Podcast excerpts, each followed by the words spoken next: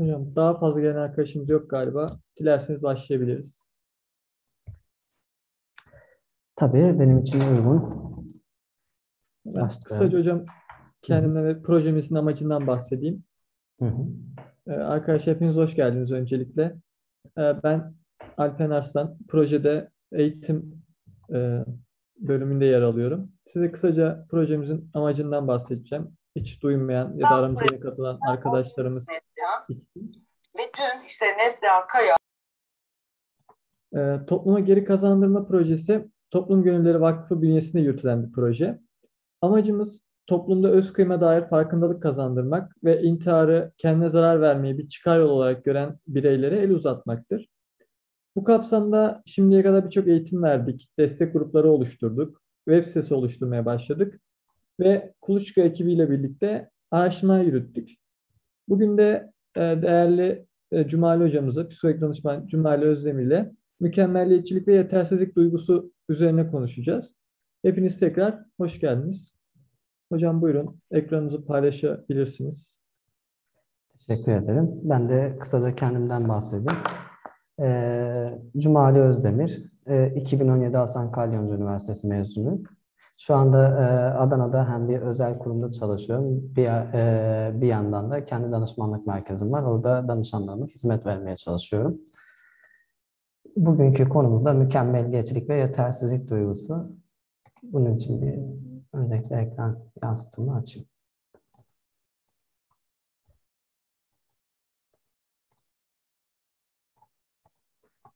Şu anda ekran geldi sanırım. Evet hocam gözüküyor. Çok güzel. Mükemmelliyetçilik ve yetersizlik duygusunu konuşacağız dedik. Şöyle ben biraz da sizleri görmek istiyorum. Neleri konuşacağız bugün? Mükemmelliyetçiliğin ne olduğu, bunun yetersizlik duygusuyla bağlantısını, sebeplerinin neler olduğu ile ilgili. e, bunun iki boyutunu konuşacağız. Mükemmelliyetçiliğin ve yetersizlik duygusunun. E, Daha sonra zihnimizde neler oluyor acaba? Mükemmelliyetçi yapıya sahip olan bireylerin ve yetersizlik duygusuna sahip olan bireylerin e, bilişsel süreçlerinde neler gerçekleşiyor? Bunları ele alacağız. Sonuçlarına bakıp e, biraz da naçizane öneriler vereceğiz. Mükemmelliyetçilikle başlamış olalım. E, aslında mükemmelliyetçiliğin özeti diyebilirim bu karikatüre. Ben mükemmelliyetçi bir insanım. Bir işin ya en iyisini yaparım ya da hiç yapmam. Aslında e, ya hep ya hiç ilkesini burada görebiliyoruz. E, bir, e, e, birazdan da bu konuya değineceğiz. Yani siyah ya da beyaz e, der mükemmelliyetçi insanlar. Gri'nin yeri yoktur mükemmelliyetçilikte. Mükemmelliyetçiliğe genel bir e, bakış açısıyla bakalım bir üstten neymiş ne değilmiş diye. Aslında mükemmelliyetçilik kişinin e, kendi kendine yapmaya karar verdiği bir şey. Şu şekilde kişi e, kendine ulaşılamayacak yüksek standartlar ve amaçları tespit edip daha sonrasında bunları artık e, bir e, hedef olarak belirlemesidir. Kısaca bu şekilde özetleyebiliriz.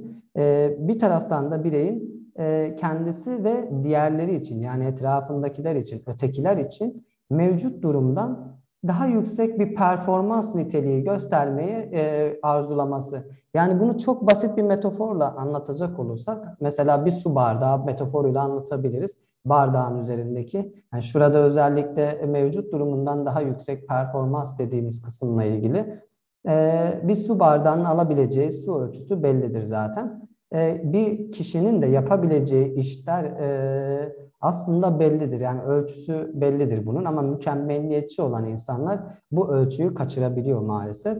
E, kaçırdığı için de o bardağa alabildiğinden daha fazla su koymaya çalışıyor. Bunu yapınca da masanın üzerine su dökülmeye başlıyor. Aslında buradaki masada bir anlamda kendimiz yani kişiliğimiz diyebiliriz buna. E, sonucunda ne oluyor? Hani masa ıslanıyor. E, bunu kendimize döndürürsek somatik belirtiler ortaya çıkabiliyor. Rahatsızlıklar artık ortaya çıkabiliyor. Uykusuzluklar ortaya çıkabiliyor vesaire vesaire. E, anksiyete ortaya çıkabiliyor. E, bu açıdan baktığımızda. Mükemmelliyetçiliğin diğer bir tanımına bakacak olursak da benliğini olduğundan daha farklı bir şekilde çevresine gösterme durumu. Yani kendi benliğini olduğu gibi kabul etmeyip ben aslında buyum demeye çalışması bir nevi de de bu şekilde etrafına, çevresine lanse etmesi diyebiliriz. Ee, burada aslında bir yandan da Mevlana'ya atıf yapabiliriz. Ya olduğun gibi görün ya göründüğün gibi ol. Bu olmadığı takdirde ne oluyor? İşte dediğimiz o iç, e, içsel çatışma meydana geliyor. İçimizdeki o çatışma meydana gelince de kaygı kaçınılmaz oluyor. Maalesef kaygının biraz daha artıyor olması zaten işlevselliğimizi bozuyor artık. Hem bilişsel anlamda işlevselliğimizi bozuyor, hem duygusal anlamda hem de davranışsal anlamda işlevselliğimize zarar veriyor. Ee, bir yandan da mükemmelliyetçilik iki ucu keskin bir kılıç. Bununla ne anlatmaya çalışıyoruz? Az önce demiştik ya birey e, kendinin farkında olmadan e, üst limitlerde hedefler belirlemesi, amaçlar belirlemesi. Aslında birey bunu kendi kendine yapıyor. E, bir yandan yüksek performanslar e, kendisinden kendisinin gösterebileceğinden daha fazla yüksek performansa sahip bir hedef belirliyor. Bir amaç belirliyor. Bir yandan da bu amaca ulaşmak için de üst düzey bir performans göstermeye çalışıyor. Yani hem aynı zamanda da hata yapmamalıyım düşüncesiyle bunları gerçekleştirmeye gayret ediyor. Hem hata yap hata yapmayacağı yani gerçekleşebilir, ulaşılabilir bir hedef belirlemek yerine onun daha üst limitinde bir hedef belirlemeye çalışıyor. Onun sonucunda da zaten e, üst düzey bir performans sergilemeye çalışın derken az önceki saydığımız şeyler ortaya çıkabiliyor. Yani bilişsel, duygusal ve davranışsal işlevsel işlevsizlikler ortaya çıkabiliyor. Bir yandan hiçbir şey e, hiçbir şey hiçbir zaman yeterince iyi olmayacak düşüncesine hakim olmak e, hakim olması diyebiliriz bireyin kendisinde. E, bunu da aslında yine en başta söylediğimiz gibi kendi kendine yapıyor. Hiçbir şey hiçbir zaman yeterince iyi olmayacak. Çünkü üst düzeylerde kendisinin yapabileceği ölçütlerin dışında bir hedef belirlediği için e, hiçbir şey de hiçbir zaman yeterince iyi olmayacak. Olduğu zaman da beğenmeyecek zaten. Daha iyisi muhakkak vardır deyip daha iyisine odaklanacak ve bir doyumsuzluk söz konusu. Zaten bizim e, hayattaki hani bizi motive eden şeylerden bir tanesi yaptığımız işlerden doyum alabilmek. Mesela beni burada tutan şey bu anlattığım e, şeylerden doyum almak. Yani şu anda doyum alıyor olmam beni burada tutuyor. E, onun dışında doyum almıyor olsaydım muhtemelen e, ben de ufaktan bir anksiyeteyle e, baş başa kalabilirdim. Yani bir e, eğer mükemmeliyetçi yapıya sahip olursam tabii. Buradan e, mükemmelliyetçilikten hemen sonra yetersizliğe bakalım. Daha sonra tekrardan bir mükemmelliyetçiye giriş yapacağız. Yani bir oraya bir oraya gidip geleceğiz. Sonra ikisini e, bağdaştıracağız diyebilirim. Ye, e, yetersizlik ise kişinin e, kendi gösterdiği davranışları, ahlakı, kendi bedenini ve kendi benliğine dair bir tatminsizliği ve bunun sonucunda da utanç hissetmesi. Yani hiçbir şekilde davranışlarını e, yeterli bir düzeyde bulamaması, bulmaması, e, kendi özellikle benliğini yeterli düzeyde bulamaması diyebiliriz. Her zaman bir e, ben eksiğim, ben değersizim, ben yetersizim, e, bu olmalı, şu şekilde olmalı tarzında düşüncelere sahip olması. Hatta biraz daha ileri gidersek kendi e, başarmış olduğu işleri de görmezden gelmesi. E, birey bu anlamda yaşam amaçlarını da yetersizlik duygusunun üstesinden gelebilmek adına yaşam amaçları belirler ve bu yaşam amaçları da üstünlük çabasına dönüşür. Bu üstünlük çabası dediğimiz olay da mükemmelliyetçilik oluyor zaten. E, bu noktada mükemmelliyetçilik devreye giriyor. Yetersizlik duygusuna sahip olan bireyde. Neler oluyor, neye dönüşüyor? Yani mükemmelliyetçiliğe sebep olan etmenler neler? Ona bakalım biraz da. Aile baskısı özellikle mükemmelliyetçiliği tetikler. Mükemmelliyetçiliğin özellikle e, en başta rolünü aile baskısı oynar. Hangi aile tipleri özellikle? E, eleştirel ebeveyn tutumu, otoriter ebeveyn tutumu.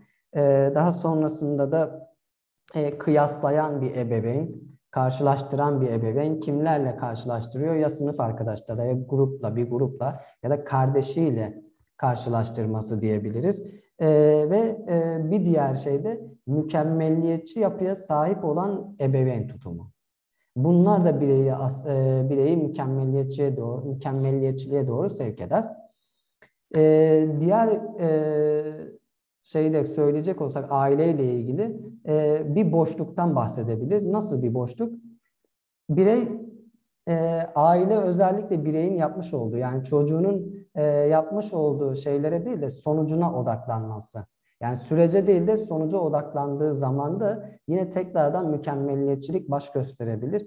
E, bunu şöyle bir örnekle açıklayayım. Mesela çocuk karnesinde düşük not getirdiği zaman e, sadece o nota odaklanması ya da yüksek not getirdiği zaman sadece nota odaklanması. Ama yaptığı e, şeyleri görmezden gelmesi, o verdiği emeği, çalışma sürecini vesaire yani süreç dediğimiz olayın hepsini görmezden gelip sadece başarı dediğimiz ya da başarısızlık dediğimiz şeye odaklanması. Bu da e, bireyde mükemmelliyetçiliğe doğru, yani bireyi mükemmelliyetçiliğe doğru sevk edebilir. E, diğer e, bir nedense kişinin kendi kendine yapmış olduğu bir baskı. Ben aslında bu değilim, ben aslında bu değilim tarzında ya da daha farklı hedefler koyması. Sosyal baskı, medya baskısı, gerçek dışı rol modellerin etkisi ve başarılı olmayan sosyal ilgi, başarılı olmayan e, arkadaşlık ilişkileri diyebiliriz. Kesinlikle kıyaslama konusunda komşunun kızı da yazılmış şimdi gördüm. Yani komşular, etraftakiler, e, kısacası ötekiler diyebiliriz biz ona. E, yetersizlik duygusunun bileşenlerine çok hızlı gitti sanırım. Heh. Yetersizlik duygusunun bileşenleri yani neler yetersizlik duygusunu oluşturuyor da ne zaman oluşuyor? Genelde çocukluk döneminde oluşur yetersizlik duygusu. O zamanki ebeveyn tutumlarından kaynaklanabilir ve yaşam tarzının temelini oluşturur. Peki yetersizlik hangi alanlarda baş gösterir? Özellikle karşılaştırmalardan kaynaklanan öznel bir algıda. Yani benim kendimle ilgili olan bir algıdan özellikle ortaya çıkabiliyor. Yani birey e, kendine karşı e, öz şefkatli değil de nesnel değil de öznel bir şekilde yaklaşıp ya aslında e, fiziksel anlamda ya da sosyal hedefler noktasında ya da standartlar noktasında yetersiz olarak kendini atfetmesi. E, hani bazen deriz ya en güvendiğin üç kişiden mesela kendini duy ya da beş kişiden kendini duy şeklinde orada biraz daha nesnel bakış açısını kazanabilmesi adına. Yoksa öznel bir bakış açısına sahip olan birey e, muhtemelen hani özellikle yetersizlik duygusuna e, yetersizlik duygusunun hakimiyeti altında olan bireylerde e, ya geçmişine baktığın zaman birçok şey başarmış olabilir. Yani birçok önemli işe imza atmış olabilir. Ya da e, öğrencilik hayatıyla ilgili örnek verecek olursak mesela netlerinde anlamlı bir şekilde fark görebilirsiniz. Yani yükselmeler görebilirsiniz ama yetersizlik duygusuna sahip olan birey bunların hepsini görmezden gelir de yapmış olduğu hataları ya da mükemmeliyetçilik yapısına sahip olan bireyler de yapmış olduğu yanlışları daha çok ön plana çıkartır. Yani burada bir öznel öznel algı dediğimiz olay bu. Ama dışarıdan birine söylediğimiz zaman ya 95 almış ya 90 almışsın notundan ya da ne bileyim falanca işi sen başardın. Dışarıdan bakan kişi bu şekilde yorumlarken e, mükemmeliyetçi yapıya sahip ya da yetersizlik duygusunun hakimiyeti altında olan birey bunu daha farklı bir şekilde yorumlar. E, bunların hiçbirini e, bunları görmezden gelip de başarısızlıkları daha fazla yükseltebilir, yüceltebilir. Biz genelde e, hani bu bilmiyorum benim mottom ama ne kadar doğru ne kadar yanlış bilemeyeceğim. Hani her şeyin ortası makbuldür gibi. Mesela kaygının ortası makbul, stresin ortası makbul. Yani kaygının hiç olmaması demek bireyin eylemsizlik e, eylemsizlik anlamına gelir bireyde. Kaygının çok yüksek olması demek bireyin artık alıcılarının kapalı olması, artık yavaş yavaş somatizasyon belirtilerinin ortaya çıkması demek. E, ama kaygı orta düzeyde olursa birey işte bu zaman e, o zamanda da e, alıcıları açık hale gelip yapacağı işlerde başarı gösterebilir, öz disiplini sağlayabilir. E, burada da mükemmeliyetçilikte de yine aynı şeyi söyleyebiliriz. Yani orta yolun önemi. Aslında mükemmeliyetçilik tamamen kötü bir şey değil. Ya da e, tamamen iyi bir şey de değil. Ortası e, ortası bizim için makbul. Yani hiç olmaması da kötü çok yüksek düzeylerde olması da kötü. Ortası olduğunda ne oluyor? Ortası olduğunda biri e, her zaman daha iyisini yapmaya ve kendi sınırlarını zorlamaya çalışıyor. Yani mükemmeliyetçilik ona itiyor bireyi. Yapmalısın diyor. Yani eylemsizlikten artık bir eyleme, e, eylem e, durumuna geçmiş oluyor. Başarıya ulaşma noktasında özellikle motive edebiliyor. Düzen sağlayabiliyor bireyin hayatında. Öz disiplin, örgütlenme ya da yaşam doyumu ve akademik başarı noktasında da tatmin edici şeyler ortaya çıkabiliyor. Orta düzeyde olduğunda. E, mükemmelliyetçilik biraz daha yüksek düzeylerde olduğunda neler ortaya çıkıyor? Bireyde ciddi problemlere sebep olur. Ne gibi şeyler? Depresyon, anksiyete, intihar eğilimi, e, bu e, intihar eğiliminden söz edebiliriz. Düşük benlik saygısından söz edebiliriz ya da anoreksiyadan bahsedebiliriz mükemmelliyetçi yapıya sahip olduğumuzda. İki türlü mükemmelliyetçilikten bahsedebilirim. Biri hani az önce orta yolu orta yol demiştim ya bu kendini bilen mükemmelliyetçi, orta yol mükemmelliyetçisi kendine yabancı olan mükemmelliyetçi de en başta tanımını yaptığım e, kısımdaki mükemmelliyetçi diyebilirim. Kendini bilen mükemmelliyetçi özellikle gerçekçi, ulaşılabilir hedefleri kendine benimser. Bunları koyar, bunları amaçlar ve o doğrultuda eyleme geçer, harekete geçer. E, artık bir davranış durumuna geçmiş olur. Mantık dışı değildir e, bunların hedefleri. E, başarısız olduğunda da bunu e, çabucak kabul edebilir. Yani psikolojik sağlamlık düzeyleri yüksektir diyebiliriz. Yani düştüğünde kalkmasını bilen diyebiliriz.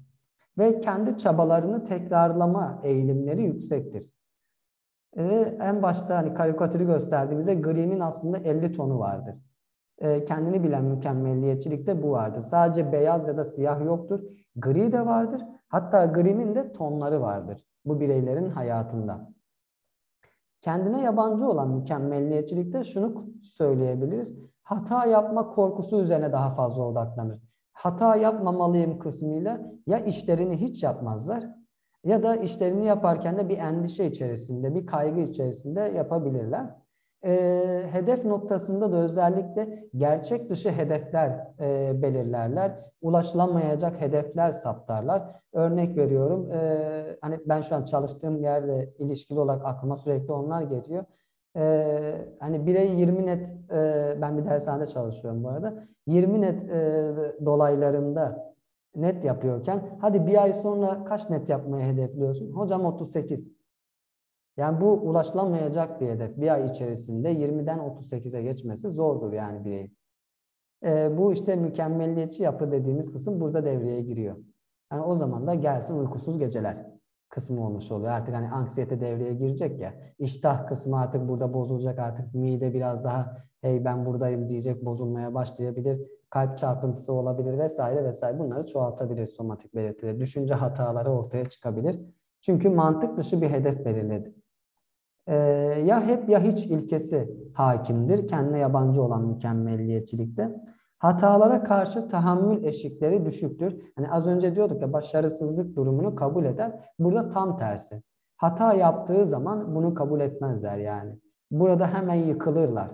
Hemen bir depresif sürece girebilirler çok kısa sürede. Buradan çıkması zor da olabilir. Hatta şunu biraz daha abartırsak depresyona mı girdim? Bunun da en mükemmelini yaşayacağım tarzında bir bakış açısı da olabilir. Tabi burası ironiydi. Başarısızlık karşısında kolayca bir umutsuzluk içerisine, zaten umutsuzluk da depresyona sürükler bizi. Ee, yetersizlik ve aşağılık duyguları da ben buradayım diyebilir. İki boyutundan bahsedeceğiz demiştik. Bu iki boyutta olumlu mükemmelliyetçilik ve olumsuz mükemmelliyetçilik. Aslında e, az önce bahsettiğimiz kendini bilen mükemmelliyetçi ve Kendine yabancı mükemmeli, mükemmelliyetçilikte de aynı şeyden bahsediyorduk. İki boyutundan bahsediyorduk mükemmelliyetçiliğin. Ee, olumlu mükemmelliyetçilikte şu vardır. Sorunlarla baş edebilirler. Baş etme becerilerine sahiplerdir. Ya da sahip değilse de bunu nasıl edinebilirim arayışı içerisine girebilir birey. Olumlu sosyal becerileri vardır. Akranlarıyla özellikle e, daha olumlu ilişkiler e, gözlemleyebiliriz biliriz. Benlik saygısı yüksektir bu bireylerin. Akademik güdülenmeleri yüksektir. Ee, hiç olmadı yardım isteme becerileri de yüksektir bu noktada. Yaşam doyumu ve okul doyumunu da göze görebilir düzeyde e, söyleyebiliriz olumlu mükemmelliyetçilikte. Ee, olumsuz mükemmelliyetçilikte neler oluyor, neler ortaya çıkıyor? Bunların hiçbiri olmadığı takdirde yani sorunlarla baş edemediğinde sorunlarla baş başa kalmış oluyor bu sefer. Sorunlarla baş başa kaldığında da bir kaygı ortaya çıkabiliyor. Tükenmişlik ortaya çıkabiliyor. Depresyon ortaya çıkabiliyor. Streslenme durumu ortaya çıkabiliyor. Hatta düşüncelerde, inançlarımızda artık hatalar ortaya çıkabiliyor. Mantık dışı inançlar dediğimiz. Ee, biraz sonra onları da işleyeceğiz. Onları da anlatmaya gayret edeceğiz. Ve olumsuz sosyal beceriler. Hatta hani şöyle bir şey söyleyebilirim mükemmeliyetçi yapıya sahip bireylerde. Olumsuz sosyal beceriler e, deyince aklıma geldi. E, yani bir muhabbet esnasında ya da bir e, şey esnasında yani bu sohbet daha kaliteli olabilirdi. Benim etrafımdaki insanlar daha mükemmel bir yapıya sahip olabilirlerdi falanca mesleğe sahip olabilirlerdi tarzında e, yaklaşımlarla yaklaştığı için de e, sosyal beceriler noktasında olumsuzluklardan bahsedebiliriz. Hatta e, biraz daha abartayım. Bir e, AVM'ye vesaire gittiğinde de e, buranın yapısı daha farklı olabilirdi. Ya da bir film izlediğinde bu film şöyle şöyle de olabilirdi. Komedi sahnesi izlediğinde e, o kadar komik değildi ya da biraz komikti ama e, şöyle şöyle olsaydı daha komik. Hani anın tadı dediğimiz olay yoktur artık. Yani bir tatminsizlik söz konusu. Sürekli bir şeyleri eleştirmek, hani eleştiri, e, eleştirilmek mükemmeliyetçilik e, yapısına e, sahip bireyler yetiştirir diyorduk yani başta özellikle ebeveyn tutumlarında. E, mükemmeliyetçi yapıya sahip olan bireylerde sürekli bir eleştirme eğilimi içerisinde olabilirler. Bazen kendilerini, bazen ötekileri. E, depresyondan bahsettik. Şimdi depresyon normalde konumuz değil. Mükemmelliyetçilik ve yetersizlik duygusu bizim konumuz ama e, depresyona e, bakmışken ufaktan da bir depresyonun ne olduğunu aslında konuşmanın tam yeri diye düşünüyorum. Burada özellikle e, depresyona gir, e, depresyon dönemini yaşayan bireyler dönem diyorum çünkü depresyon belli bir süreçtir hani hayatın tamamı değildir ama e, depresyonda olan birey hayatının tamamı depresyonmuş gibi adlandırabilir. Tamamı bir umutsuzluk, o olumsuzluklarmış diye adlandırabilir. Burada depresyonu yeniden adlandıralım. Bir dönem diyelim buna. Hani hepimizin hayatında inişli çıkışlı süreçler oluyordur. Bu da bir dönem. Ee, işte bir hafta sürer, iki hafta sürer, belli bir zaman sürer. Ee, daha sonra geçer. Yani özellikle geçici olduğunu bilmemizde fayda var. Ee, özellikle depresyondaki kişiler kendilerini yetersiz hissedebilirler ve e, dünyaya, kendine ve geleceğe karşı bir olumsuz bakış açıları ortaya çıkabilir. E, bununla beraber de bir depresif mod hakim olabilir. Kendi iradelerinden e, uzaklaşabilir. İradeleri artık duraksar. O noktaya gelir. İnsanlardan uzaklaşma eğilimi ortaya çıkar e, intihar düşünceleri yine ortaya çıkabilir ve bağımlılık artar diğer insanlara karşı diyebiliriz. Kendini yetersiz hisseden bireylerde özellikle depresyon ortaya çıkar. Mükemmelliyetçilikten sonra yetersizlik duygusuna bakalım. Yetersizlik duygusu da e, olumlusu ve olumsuzundan bahsedeceğiz. Olumlusu bireyi güdüler, çalışmaya doğru güdüler bir motivasyon sağlar bireyin üzerinde. Zorlukları aşma noktasında özellikle bu motivasyonu sağlar. Ee, hani şunu söyleyebiliriz hani diyor ya e, tek bir şey biliyorum o da hiçbir şey bilmediğim yanlış söylemiyorsam böyle bir şeydi. Ee, aslında hani her şeyi bilmek e, bir yandan da alıcıları kapatır e, o bireye ne aktarırsan aktar almayabilir. Ya da tamamen kendini yetersiz hisseden bireye ne aktarırsan aktar almayabilir. Yani mesela şu an beni dinleyen bireyler arasında yetersizlik duygusu e, hakim olan bireyde ya zaten ne anlatırsa anlatsın e, ben bunu al, almayacağım ya da e, alırsam bunu herhangi bir yerde kullanmayacağım. Kendi hayatıma bunu adapte edemeyeceğim tarzında bir engelleyici rol oynamış olacak. olacak. Olumsuz yetersiz, yetersizlik duygusunda. Olumlu yetersizlik duygusunda da belki benim bilmediğim bir şey vardır ve bu aktarılacak bana.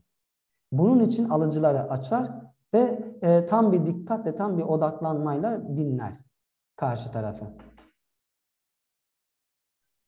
Biraz da bunların e, içine bakalım. Yani neler varmış, neler dönüyormuş içimizde. E, mükemmelliyetçi yapıya sahip olan bireylerin içinde neler oluyor, zihninde neler oluyor? E, şu tarz düşünceleri e, görmemiz mümkün. Hatta dile e, gelir bu tarz düşünceler. Sevilmek ve beğenilmek için hiç hata yapmamalıyım. Yani buradaki özellikle e, yanlış olan nokta hiç hata yapmamalıyım. Hiç demesi, evet biz insanız yani hata yapacağız. Hani Orhan Gencebay hatasız kul olmaz. Beni hatalarımla sev tarzında bir şey var şarkısı. E, yapmamalıyım. Burada birey zaten kendine bir kural koymuş oluyor. Eğer iyi yapmayacaksam o işi hiç yapmayacağım. Karikatürde olduğu gibi ya en iyisini yapacağım ya hiç yapmayacağım. İyi yapmayacaksam da hiç yapmayayım daha iyi. Burada da biraz ertelemecilik de aslında boy gösteriyor bir anlamda da. Mükemmelliyetçi yapıya sahip olan bireylerde ertelemecilik de ortaya e, ertelemecilik de olabilir ya da ertelemeci yapıya sahip olan insanlarda mükemmelliyetçiliği de irdeleyebiliriz. Mükemmelliyetçi olmasaydım bugünkü kadar başarılı olmazdım. Yani birey aslında bugünkü başarısını tamamen mükemmelliyetçi yapıya sahip olduğundan dolayı yani buna atfediyor. Ben başarılıysam da mükemmelliyetçi olduğum için. Ee, hadi bu bireye bir soru soralım. Başarılı olan tüm insanlar mükemmelliyetçi mi? Ya da o, o bireyin çalıştığı kadar başka biri mükemmelliyetçi yapıya sahip olmayan birey çalışsaydı başarılı olmayacak mıydı? Tarzında sorularla mesela bu e, hatayı da bu e, yanlış inancı, yanlış düşünceyi de çürütebiliriz. Bu tarz sorularla.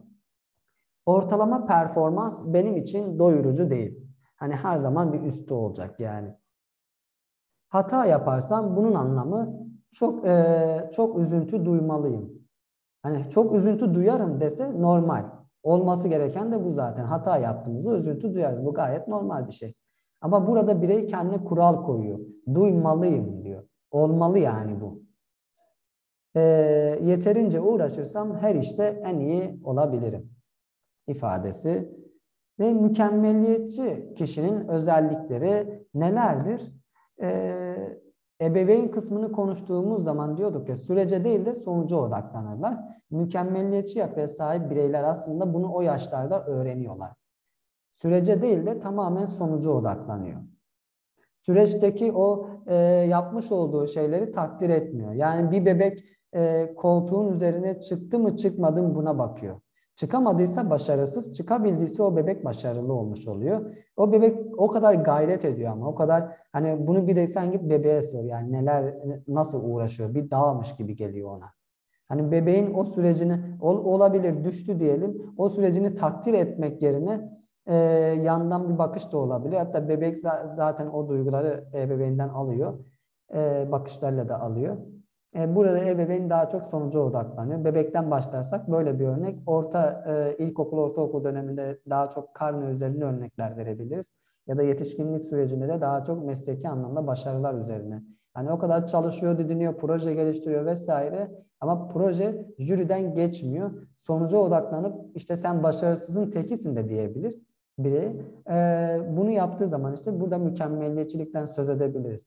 Ama sürece odaklanırsa evet o kadar emek sarf ettin, zamanını verdin, araştırmalar yaptın vesaire. Yani bunun için seni tebrik ediyorum. Demek yerine daha çok başarısız olduğu noktaya odaklanmak. Ya da başarılı olursa da o başarıya sadece odaklanmak. Hani o kadar e, geçen süreci, zamanı hiç etmek yani. Görmezden gelmek bir anlamda da. Mükemmelliyetçi e, insanlar aşırı genellemeler yaparlar olumsuzlukları özellikle büyütme eğilimleri çok çok fazladır. Hani e, yine net üzerinden örnek vereceğim. 40 soruluk bir testte e, 38 doğru, 2 boş yapmışsa, 2 yanlış yapmışsa ya da e, 37,5 net aldığını düşünelim bu bireyin. E, birey buradaki iki tane yanlışını özellikle görüyor. Olumsuzluğu büyütüyor. Yani iki tane yanlış sadece. 37,5 almışsın 40 tane sorudan. Yani orada e, kendi başarısını görmek bir tarafa, o başarısızlığı, o olumsuzluğu abartma eğilimi yüksektir. Olumluyu da yok sayma. Tamam da 38 tane doğru yap, e, doğru yaptın. Yani onları neden görmezden geliyoruz? Bunlar için bence bir kendimize teşekkür edebiliriz. O kadar emek sarf ettik. Bunun için en azından bir kendimizi tebrik edebiliriz. Ya da bir başkasının tebriğini kabul edebiliriz. Bir yandan da başkalarının e, yapmış olduğu tebrikleri de kabul etmeme eğilimleri de e, eğilimlerini de görebiliriz mükemmeliyetçi insanlarda. E, evet 38 ama ya iki tane yanlışım var onu görmüyor musun tarzında e, bir dur, dur ben seni tebrik ediyorum ya. Hani niye direkt başından savar gibi böyle bir cevapla e, yani neye uğradığını şaşırabiliyor karşıdaki biri. Ekip çalışması yapmakta da zorlanırlar çünkü etrafındaki insanlar mükemmel, mükemmel değiller. Bunların sonucunda neler oluyor? Yoğun bir suçluluk duygusu yaşayabilir, utanç yaşayabilir birey olumsuzluklarda özellikle. Kaygı zaten e, olmazsa olmazı diyeceğim neredeyse. Bunu yaşayabilir. Bir çökkünlük yaşayabilir. Depresif süreçlere buradan yavaş yavaş girebilir. Ve yetersiz hissederler kendilerini. Ve yetersizliğe giriş yapmışken hani bir oraya bir oraya gidip geleceğiz demiştim.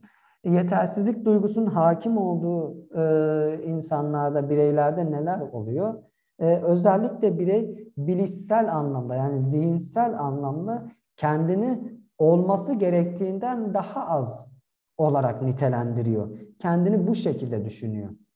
Ben e, olmam gereken şu nokta ama ben şuralardayım şeklinde bir düşünce e, ortaya çıkıyor yetersizlik duygusunun hakimiyeti altında olan bireyler e, bireyde ve bu bireyler özellikle kendini diğerlerini, ötekileri ve dünyayı hatalı bir şekilde yorumlarlar. Nasıl hatalı yorumlarlar? Kendini o aşağılık bir şekilde görebilirler, yetersiz bir şekilde görebilirler. Diğer insanları yüceltebilirler. Ya e, örnek vereyim, e, hem kendisi hem diğeri, öteki aynı işi aynı sürede aynı şeylerle e, başarmış olsun. Diğerini yükseltir, diğerini yüceltir yetersizlik duygusuna sahip olan birey. Halbuki yani hem süreç aynı hem sonuç aynı ama kendini yine e, çünkü bir benlik saygısı kalmamıştır o bireyde. Benlik saygısı kalmadığı için artık öznel bir yargılamayla baktığı için kendini e, hatalı bir şekilde yorumlayabilir süreci. O bireye desek ki mesela bir e, kamera takılmış olsa ve o kameradan sadece izleniyor olsa süreçler hani içimizde nelerin olduğunu görmüyor kamera. İçimizdeki şeyleri bilmeyecek. Bu şekilde dış gözle baktığımız zaman neler gerçekleşiyor? Ha işte o zaman nesnel bir şekilde yaklaşabilir olaylara, durumlara ya da insanlara. Bunların sonucunda ne oluyor peki? Birey hatalı yorumlar yaptığında ya da kendini e, olması gerektiği e, düzeyden daha aşağı bir şekilde gördüğünde neler oluyor? Bir öfke görebiliriz bu bireyde. Ağlama davranışını görebiliriz. Ağlama zaten duygunun ortaya çıkması. E, bir kaygıdan ve depresyondan bahsedebiliriz. Sürekli kaygı ve depresyon diyoruz. Mükemmelliyetçilikte ve yetersizlikte. Yetersizlik e, duygusunun hakimiyeti altında olan bireyin zihnine biraz daha bakalım. İçinde neler dönüyor, neler gerçekleşiyor. En başta zaten yetersizim inancı e, hakim ve bu yetersizlik inancı artık ağacın kökü gibi olmuş diyebiliriz. Bu e, sayacağımız diğer düşüncelerde o ağacın artık dalı diyebilirim. Hiçbir şeyi doğru yapamam. Ben işe yaramayan bir insanım. İnsanları memnun edemezsem değersizin tekiyim. Ya da işimde başarılı olmazsam, olamazsam ben bir fiyaskoyum. Ebeveynim için ben bir utanç kaynağıyım. Kimse beni sevmiyor, ben yetersizim. Şeklinde olan e, yorumlara çok sık rast geliriz. Şimdi bir de hatalı olan düşünce yapılarına bakalım. E, yetersizlik ve e, mükemmelliyetçilik e, yapısına sahip olan bireylerde olayları ve durumları özellikle yorumlarken bu şekilde yorumlayabilir bireyler. E, nedir bunlar? Örneklerle açıklayayım hep ya da hiç ilkesine sahip olabilir. Hep ya da hiç ilkesinde aslında en baştan beri söylediğimiz ya en iyisini yapacağım ya hiç yapmayacağım. Ya siyahtır ya beyazdır. Gri denilen bir şey yok. Yani aslında bu slaytta da özellikle beyaz temel üzerine siyah yazılı gri açıklamalarla belirtiyoruz bunu. Bir yandan da böyle bir onu da işlemiş olalım. e, bu bireyler minimize ya da maksimize ederler e, bilişsel işlemleme tiplerinde olayları ya da durumları yanlış bir şekilde yorumlarlar. Ne diyorduk? Özellikle e, kendi hatalarını maksimize ederler. Kendi yanlışlarını çok büyütürler. Başarılarını ise minimuma düşürürler, minimize ederler, küçültürler, görmezden gelebilirler. Ha, evet başarı var var böyle bu tarz tavırlarla da cevap verebilirler. Ama daha iyisi var şeklinde de yaklaşım sergileyebilirler. Duygusal sebep gösterme. Bununla ne anlatmak istiyoruz? Ben e, kötü hissediyorum. Demek ki kötü biriyim. Hani hissetmekle ilgili olan bir düşünce ortaya çıkıyor. Ben yetersiz hissediyorum. Demek ki ben yetersizim. Ben başarısız hissediyorum. Demek ki ben başarısızım. Ya da ben bu dersi anlamayacağım şeklinde mesela anlamayacağımı hissediyorum. O zaman evet anlam anlamayacağım. Ben başarısızın tekiyim şeklinde yorumlamalar ortaya çıkabilir. Malımasyonlardan e, kastedilen şey şu, malı meli ifadelerin çok olması. Yani kendine kural koymaların çok olması. Olmalı, yapılmalı, başarılmalı, ben başarmalıyım şeklinde bir kural koyulması. Bundan söz edebiliriz. Etiketlemede de özellikle başarısızım etiketi, yetersizim etiketi. Ee, ben bu konuyu anlamadıysam demek ki yetersizim. Yani direkt bir etiket yapıştırıyor kendine. Belki konu zor. Yani bir bunu irdeleyelim. O konuya bir bakalım. Belki o konu zor. Diğer konulara bir saat vakit ayır ya da diğer yapılan işlere bir saat vakit ayırdıysak buna belki bir buçuk iki saat ayırmamız gerekiyor. Hemen bir etiketleme yapmaya e, hani girişmeden önce bir bunları irdeleyelim. Ama yetersizlik e, duygusunun hakim olduğu bireylerde etiketlemeler hızlı bir şekilde gerçekleşebilir. Çünkü zihin oraya oraya okus, e, odaklanıyor, oraya fokuslanıyor. Hani ağacın kökü oy diye, yetersizim diye. Ondan dolayı bunlar da hemen ortaya çıkabiliyor anında. Çok hızlı bir şekilde ortaya çıkıyor bu arada. Herhangi bir olay ya da durum karşısında hani bir saniyeden daha kısa bir süreden e, hızlı bir şekilde ortaya çıkabiliyor bu düşünceler. Bu düşünceleri değiştirmekte zaman alacaktır. E, birden değişmeyecek. Çünkü bize birden yerleşmedi. Yani ebeveyn etkisinden bahsediyorduk. E, çocukluk çağından özellikle kaynaklanan bir şeyden bahsediyoruz. Yani o dönemlerden şimdiki yaşımıza örnek veriyorum 25 yaşındaki bir birey için konuşalım. 6 yaşından 7 yaşından beri bu şekilde e, bir düşünce hakim bireydi. Yani bunun da değişimi birden 24 saat içerisinde gerçekleşmeyecek. Bunun için de bir zaman e, zamana ihtiyacımız olacak. E, zihin okuma özellikle hakim bu insanlarda. Örnek veriyorum yolda geçerken tanıdığı biri ona selam vermedi diyelim. Selam vermediği takdirde bana selam vermedi demek ki beni sevmiyor. Ya bir dur aklını okuma o bireyin. O zihnini okuma. Belki görmedi seni. Belki dalgındı. Belki borçlarını düşünüyor. Ya da yapacak bir önemli bir işi vardı. Oraya yetişmeye çalışıyordu. Farklı şeyler olabilir burada. Hani bunu yapmak yerine e, o bireyin de bir hayatının olduğunu unutup kendine özellikle odaklanarak e, kendiyle ilgili bir etiketleme yapmaya girişecek ya karşı tarafın zihnini okumaya artık geçiyor. Bu bunu nereden gördük yani?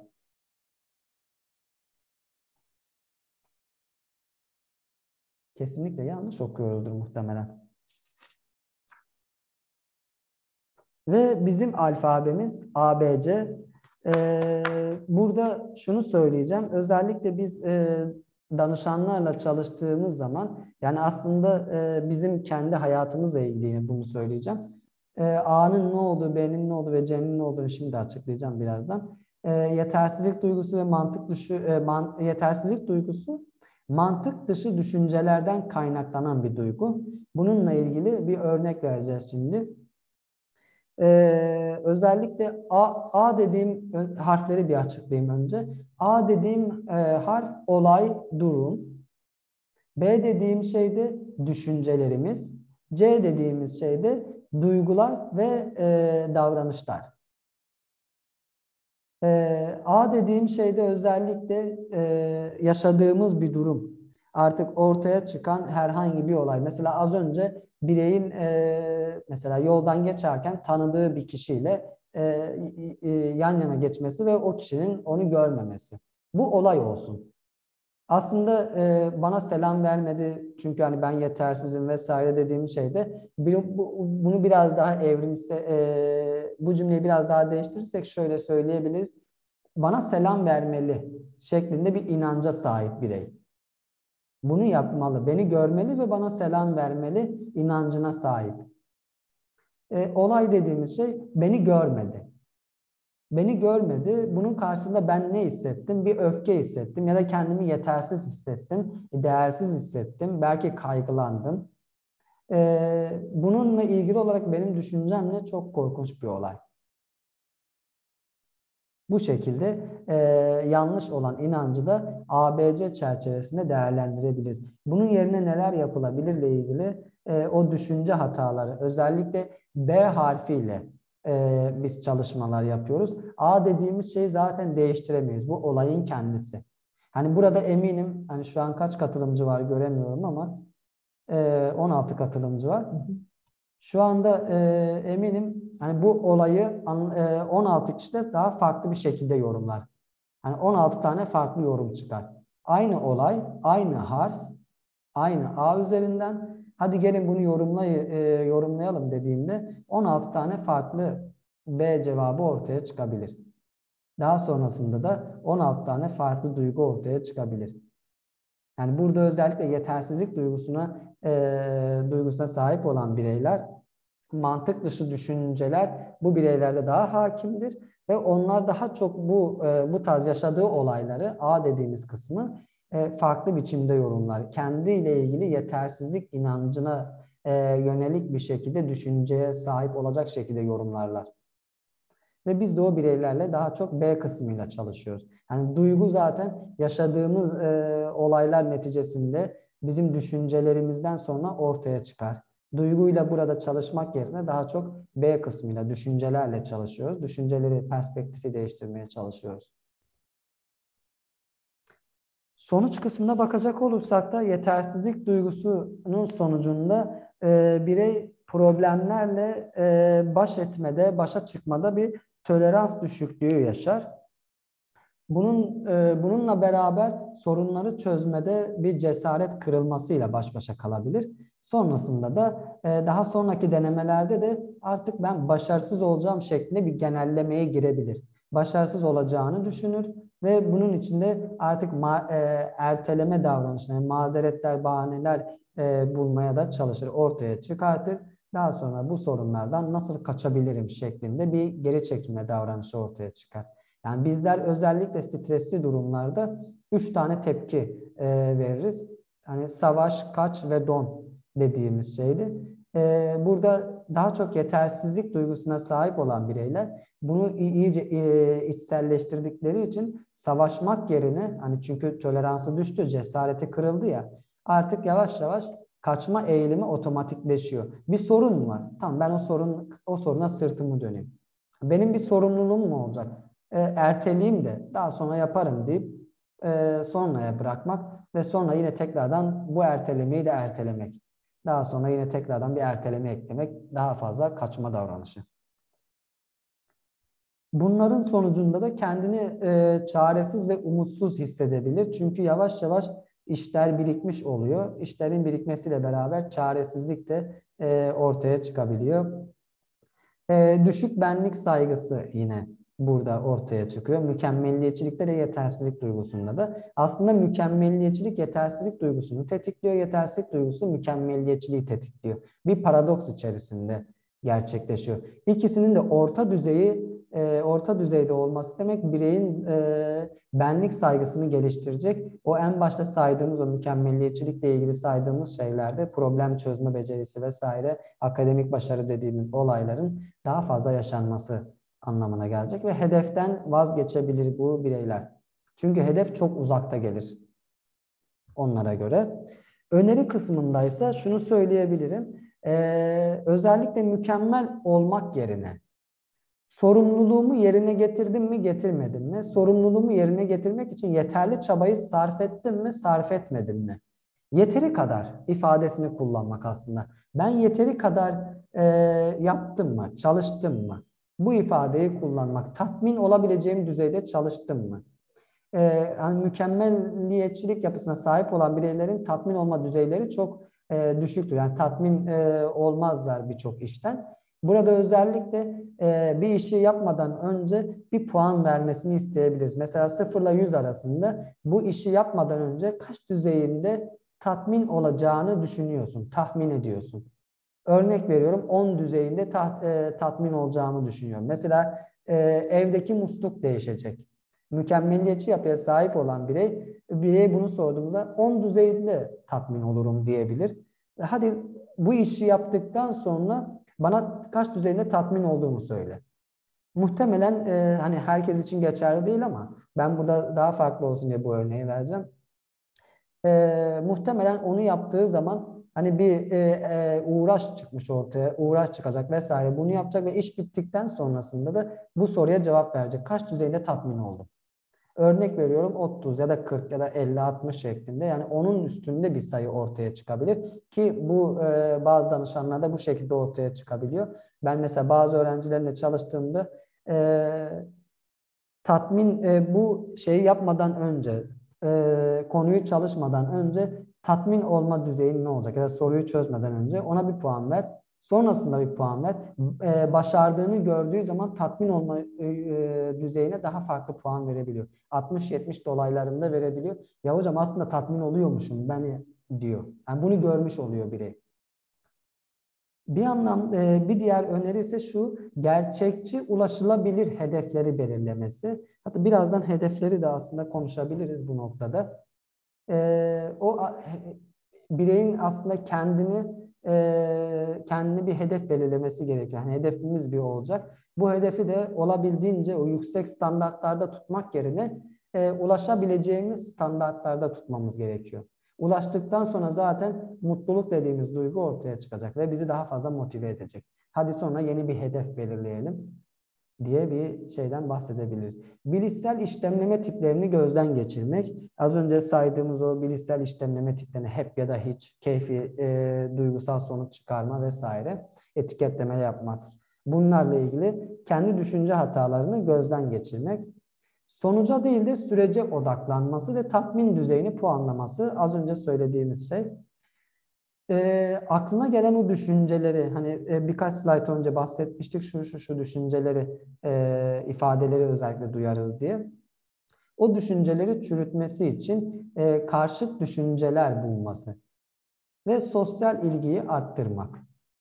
Bu çok önemli. Neden önemli? İnsan ötekiyle var olan bir varlık. Yani bizler biyopsikososyal varlıklarız. Biyo, psiko, sosyal. Biz, biz sosyal varlıklarız. Sosyalliği aldığın zaman problem ortaya çıkar. Sosyallik de olması gerekiyor bireyin hayatında. O özellikle e, ve bunun da e, olumlu anlamda işlevsel olması gerekiyor sosyal ilginin de. Sosyal ilişkilerinde. Hedefler demiştik. Ben hedefleri özellikle önemsiyorum. Bu noktada hani belki konu dışı gibi gelecek ama bundan da bahsetmek istiyorum. Nasıl hedefler, e, hedef nasıl belirlenir noktasında. Hani benim gördüğüm birçok şey kendimde de özellikle bunu e, gördüğüm zamanlar olmuştu. Hedef belirlediğimiz zaman biz özellikle ulaş, ulaşamayacağımız hedefler belirleme ya da gerçeğin dışında ya da e, somut olmayan hedefler belirleyebiliyoruz. E, hedef nasıl e, olmalı, nasıl belirlenmeli onu e, konuşalım biraz da. Öncelikli olarak bizim hedefimizin spesifik olması gerekiyor. Yani net olması, somut olması gerekiyor. Mesela bize bazen danışanlar gelir. Hocam ben mutlu olmak istiyorum. Tamam da nasıl olacak? Hani bu net bir hedef değil. Nasıl olacak ama? Hadi gel mutluluğu konuşalım diye biraz daha netleştiriyoruz burada. Ne olacak da mutlu olacaksın mesela? Bunu biraz daha netleştirmek. Mutluluk biraz soyut kalıyor ve mutluluk bir duygu aslında. Hedeflerimize ulaştığımız zaman, amaçlarımıza ulaştığımız zaman ortaya çıkan bir duygu. E, hedeflerimizin ölçülebilir olması gerekiyor. Bir, bir ölçücü, ölçücü bir aletimizin olması gerekiyor. Bir bir şeyle ölçeceğiz biz o hedefi. Ulaştım mı, ulaşmadım mı kısmını. Gerçekleştirdim mi, gerçekleştirmedim mi? Ve ulaşılabilir olması gerekiyor e, yüksek standartlarda bir hedef koyduğumuzda, ulaşamayacağımız bir hedef belirlediğimizde bu zaten bizim yetersizlik duygumuzu e, tetikleyecektir. Özgüven dediğimiz şey e, ortadan kaybolabilir. Hedeflerimizin özellikle gerçekle ilişkili olması gerekiyor. Gerçekle bir bağının olması gerekiyor. Ve muhakkak ki belirlediğimiz hedefin bir zamanı olması gerekiyor zamansız bir hedeften söz ettiğimizde hani bizler özellikle ertelemeye biraz yatkın varlıklarız insan olarak. Ee, hele ki mükemmeliyetçi yapıya sahipse ya da yetersizlik duygusu hakimse bireyde e, zaman sınırı koymadığında e, bunu erteleme davranışı sürekli ortaya çıkar ve bu erteleme davranışı pekişir. Bu arada ben e, önerilerle ilgili birkaç şeyden daha bahsetmek istiyorum. Doğru zamanda doğru hedef. Evet aslında kendimizi tanıyaraktan doğru hedefleri koymamız gerekiyor.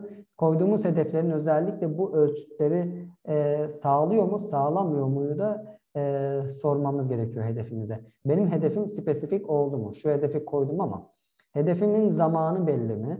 Bir ay, iki ay ya da beş ay sonrası için ya da iki hafta sonrası için. Benim hedefim gerçekçi mi? Hani e, dünya e, gerçekle bir bağ var mı yok mu? E, uçan araba yapacağım. Ta, hani, tamam bu gerçekleşiyor da şu anda. Hani şu an aklıma farklı bir örnek gelmedi. E, gerçekle bir bağ var mı yok mu? Ben bu hedefime gerçekten ulaşabilir miyim? Kendini tanımakla ilgili özellikle söylediğimiz şey. Ve ben bu hedefimi nasıl ölçeceğim? Neyle ölçmeyi düşünüyorum? Gibi gibi şeyler. Hedefimize sorular sormak aslında. Bu beş tane ölçütle ilgili. Önerilerde şundan bahsedeceğim özellikle. Ee, öz şefkat becerisini, e, öz şefkati biraz daha kendimize, e, şefkati biraz daha kendimize göstermek. E, bununla kastetmek istediğim şey ne? E, rica ederim. Bununla kastetmek istediğim şey ne? Örnek veriyorum. Mükemmelliyetçi yapıya sahip olan biri kendi başarısızlığını yüceltir. Başarılı olduğu şeyleri daha da aşağılarda görür. En yakın gördüğümüz birey, en yakın gördüğümüz arkadaşımız, dostumuz artık her kimse o birey de başarısız olduğunda onun başarısızlığını yüceltir misin? Ya da başarılı olduğunda onun başarısını küçük mü görürsün? Burada işte e, hayır küçük görmem, o başarılı olduğunu takdir ederim. Tebrik ederim, hani mesaj atarım ya da bizzat hediye alırım vesaire vesaire. Ya da e, başarısız olduğunda onu motive etmeye çalışırım. Hadi gel öz şefkat ile ilgili kendimize bir soru sor. Ben kendim için bunu yapıyor muyum? Burada öz şefkat devreye giriyor. Özellikle öz şefkatle ilgili çalışmalar e, yapmak önemli. Kendimizle ilgili e, kendimize karşı bir affedici tutum içerisinde olmaktan bahsedebilirim. Ya da aklımıza gelen düşüncelerle ilgili düşüncelere şunu sorabiliriz. Ee, en kötüsü ne olabilir? Ben başaramadım ya. Başaramadığım takdirde ne olabilir? En kötü senaryoyu bulmak. Ve onun karşısında en iyi senaryoyu bulmak. Sonra hangisinin daha gerçekçi olduğunu ortaya çıkarmak. Bir sonraki aşamada da diyelim ki en kötü senaryo gerçekçi, daha gerçekçi. Peki ben bu e, sahneyle baş edebilir miyim? Sorusunu sormak. Baş edemeyeceksem, baş edemeyeceğimi düşünüyorsam da hangi beceri bana lazım ki ya da hangi beceri bende olmalı ki ben bu problemle baş edebileyim? Sorusunu sormak önemli. E, çünkü şunu biliyoruz, beceriler arttıkça stres durumu azalır. Benim anlatacaklarım sanıyorum bu kadar. Kaynakça ve teşekkürler. Çok teşekkürler hocam. Çok değerli bilgilerdi bizim için. Ben teşekkür ederim. Evet. Sorusu olan arkadaşımız varsa chat kısmından yazabilir ya da sesini açarak sorabilir.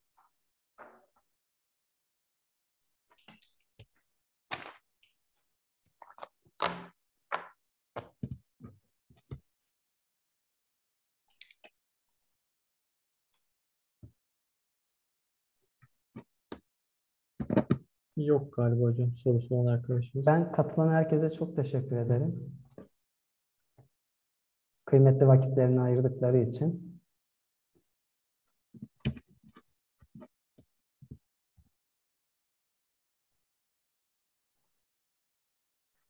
Ben teşekkür ederim. Ee, Sorusu olan arkadaşımız yoksa bir de e, en sonunda bir fotoğraf alabiliriz. Eğer e, müsait olan kamerasını açmak isteyen katılımcılarımız varsa kameralarını açabilirler. Sunuyu WhatsApp'tan gönderebilirim WhatsApp grubuna.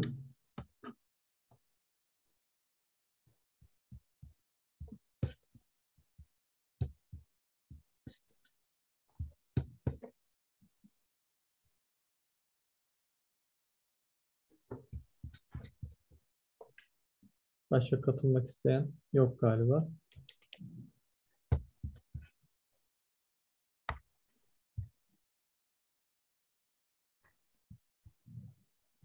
buraya nasıl atıldığını bilmiyorum desin. Deneyeyim bir. Chat kısmından e, gönderebilirsiniz ama Deneyeceğim şimdi. Bir bakayım.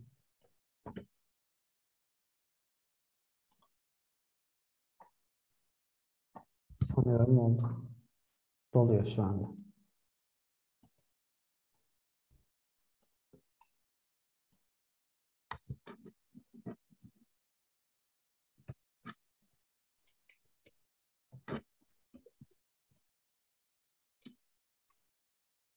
evet hocam geldi şu. Güzel.